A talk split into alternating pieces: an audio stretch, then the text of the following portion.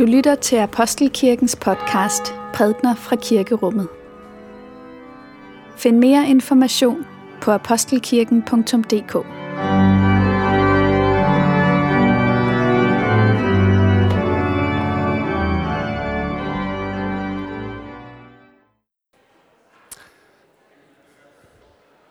God formiddag alle sammen, og velkommen til gudstjeneste her i Apostelkirken.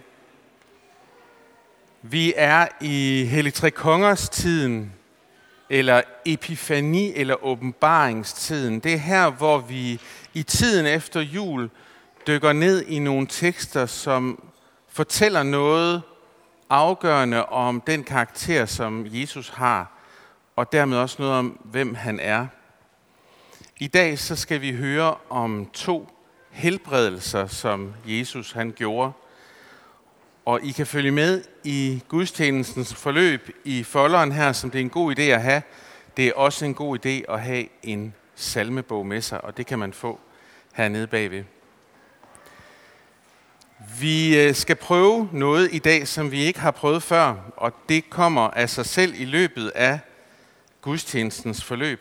Et nyt led for efter kirkebønden, så skal vi rejse os op, og så skal vi tage fat i nogle ord, som apostlen Paulus han skriver i sit andet brev til de kristne i Korinth, og bruge dem til at hilse på hinanden. Dette hellige evangelium skriver evangelisten Matthæus. Lad os takke for Guds ord. For Guds ord i skriften, for Guds ord i blandt os, for Guds ord inden i os, takker vi dig Gud. Da Jesus var kommet ned fra bjerget, fulgte store folkeskare ham.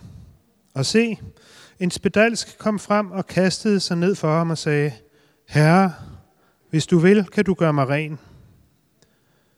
Jesus rakte hånden ud, rørte ved ham og sagde, Jeg vil, bliv ren.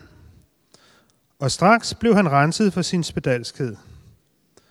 Men Jesus sagde til ham, Se til, at du ikke siger det til nogen, men gå hen og bliv undersøgt af præsten, og bring den offergave, Moses har fastsat som et vidnesbyrd for dem. Da Jesus gik ind til Kapernaum, kom en, officer, kom en officer og bad ham, Herre, min tjener ligger lammet derhjemme og lider forfærdeligt. Han sagde til ham, Jeg vil komme og helbrede ham. Men officeren sagde, Herre, jeg er for ringe til, at du går ind under mit tag. Men sig blot et ord, så vil min tjener blive helbredt. Jeg er jo en selv en mand under kommando og har soldater under mig. Siger jeg til en, gå, så går han. Og til en anden, kom, så kommer han. Og til min tjener, gør det og det, så gør han det. Da Jesus hørte det, undrede han sig og sagde til dem, der fulgte ham, Sandelig siger jeg jer, så stor en tro har jeg ikke fundet hos nogen i Israel. Jeg siger jer, mange skal komme fra øst og vest og sidde til bords med Abraham og Isak og Jakob i himmeriget, men rigets egne børn skal kastes ud i mørket og udenfor. Der skal der være gråd og tænderskæren. Men til officeren sagde Jesus, Gå, det skal ske dig, som du troede. Og hans tjener blev helbredt i samme time. Amen. Lad os bede. Helligånd, hjælp os til at lytte til dit ord, og hjælp os til at lytte til vores eget hjerte. Amen.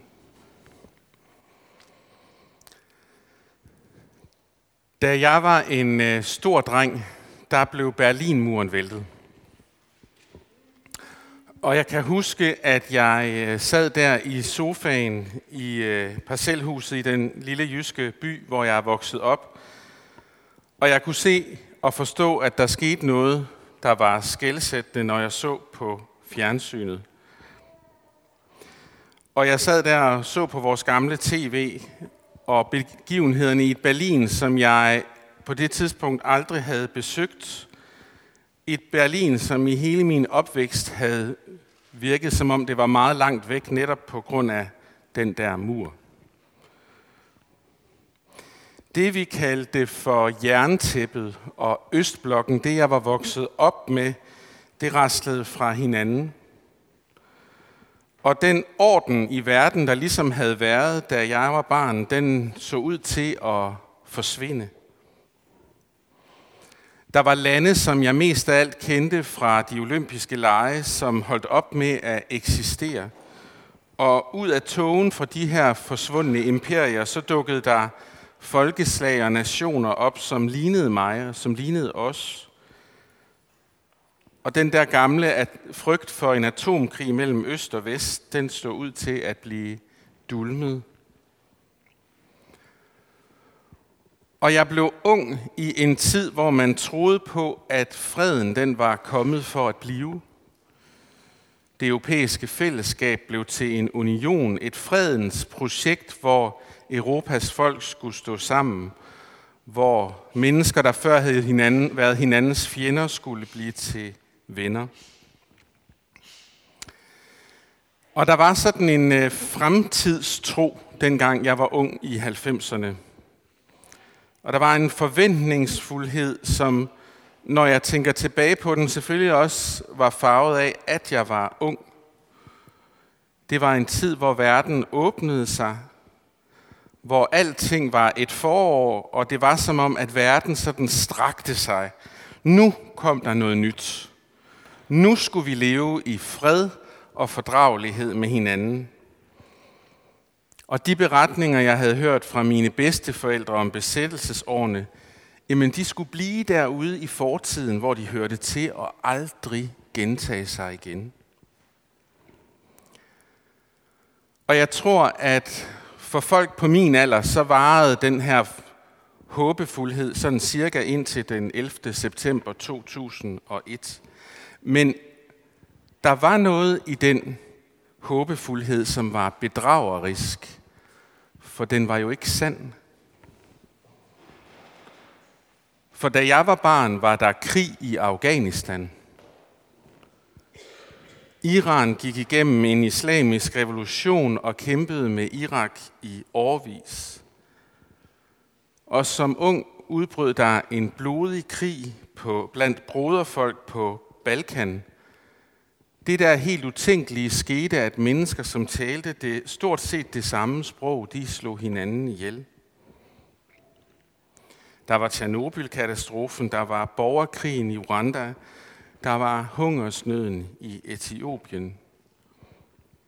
Så når jeg tænker på den der håbefuldhed, så var, havde den et, så var den selektiv. Det jeg troede og tænkte om verden, det var baseret på et temmelig selektivt kendskab til verden. Og jeg tænker, at det er så let at skrive det ud af historien, som ikke er min egen historie. At holde det, som er langt borte, væk fra min virkelighed. Det var det, jeg gjorde, og det er det, jeg til en vis grad stadigvæk gør. Jeg troede på en illusion, da jeg var ung. En forestilling om, at normaltilstanden for verden, det kunne være fred og ingen fare.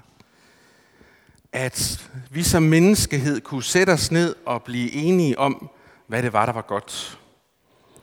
At vi selvfølgelig ville det samme.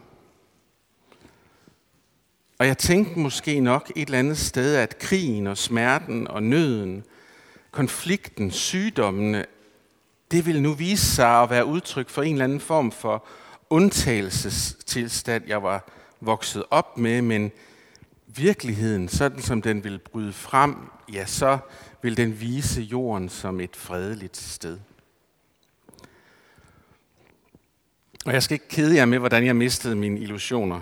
Øhm, men jeg kom til at tænke på det her med normaltilstanden, da jeg læste teksten til i dag. Vi møder Jesus, der er lige kommet ned fra bjerget, efter at have holdt det, som vi i dag kender som bjergprædikenen. Og det var ligesom om, at Jesus der afleverede en slags programerklæring om sin tjeneste og om det, han repræsenterede. Og det er som om evangelisten ligesom tænker, nu, nu må vi de så se. En ting er, at han har stået og, over for en forsamling og sagt nogle ting, men hvad sker der, når han kommer ned og møder virkeligheden? Er det bare ord eller hensigtserklæring?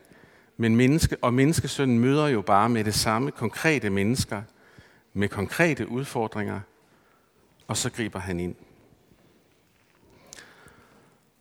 Og vi hørte og kan læse, at det betyder, at den spedalske bliver ret rask, at sygdommen forsvinder, at Jesus så at sige genvinder den spedalske sin værdighed som en, der ikke længere skal leve sådan i samfundets randområde. Hans menneskelighed bliver genoprettet. Sådan er det, når Jesus helbreder. Og sådan er det også, når Jesus tilgiver. For tilgivelsen og helbredelsen, de er på sin vis to alen af det samme stykke. Men at helbredelsen og tilgivelsen overhovedet findes, det udtrykker, at der er noget, der ikke er sådan, som det kunne være. Der er noget i den her verden, som ikke er sådan, som det burde være. Men altså også, at der findes nogen, der kan gøre noget ved det.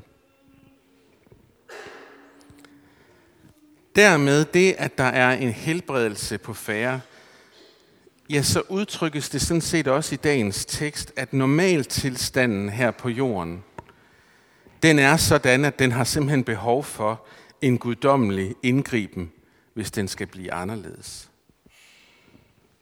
Vi kan ikke få skabt fred og fordragelighed og retfærdighed for alle.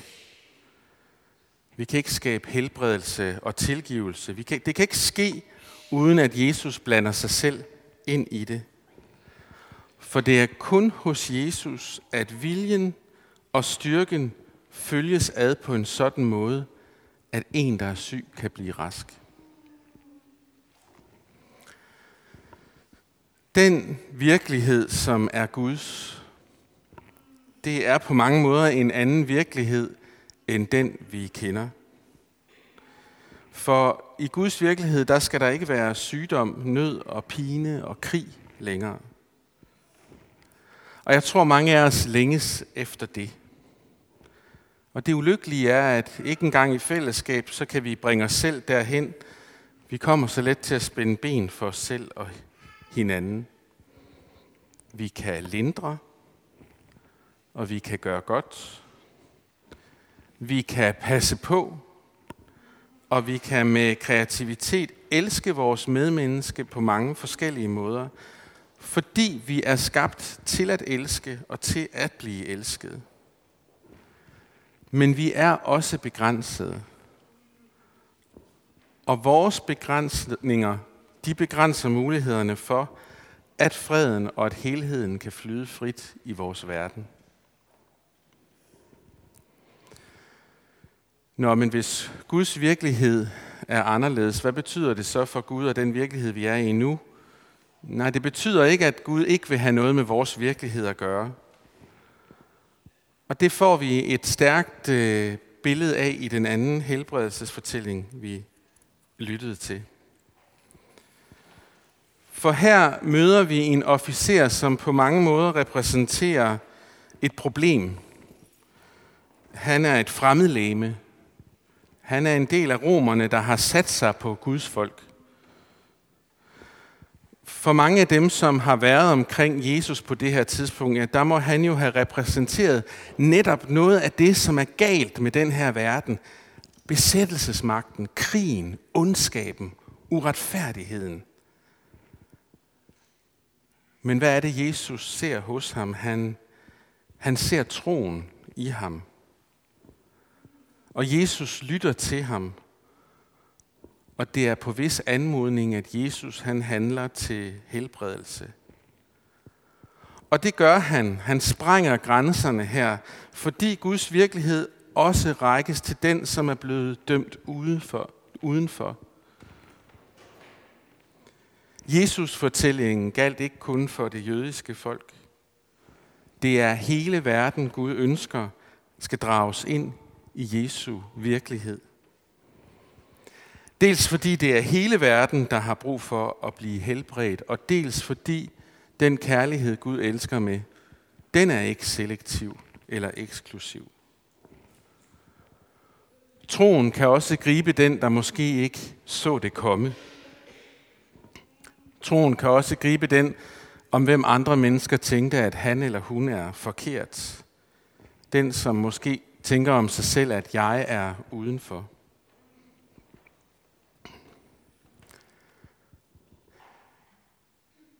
Hvis man en gang har prøvet at bede til Gud om helbredelser, og om at han må gribe ind, og hvis man efter den bøn synes, det var sådan lidt småt med Guds svar, så øh, kan dagens tekst være udfordrende at støde på.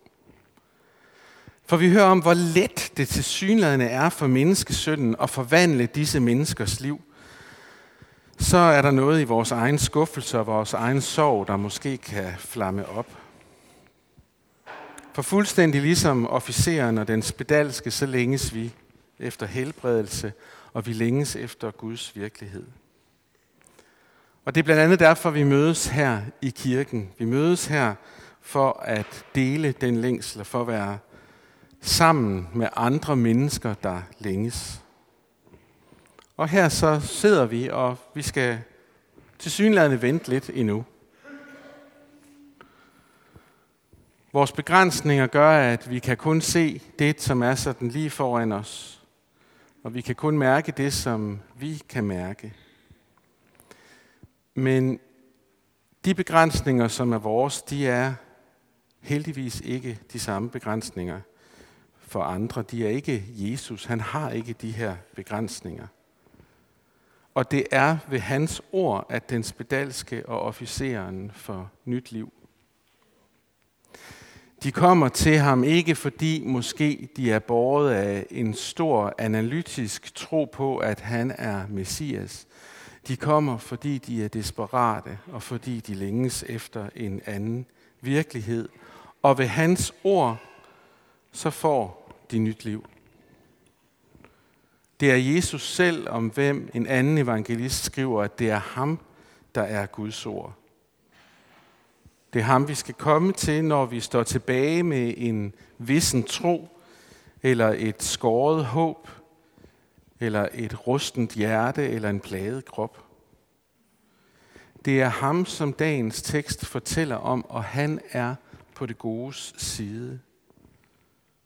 Han vil frelse os, men han vil også med sin frelse inspirere os og gøre vores tro trodsig over for det, som er smerten og ondskaben i den her verden.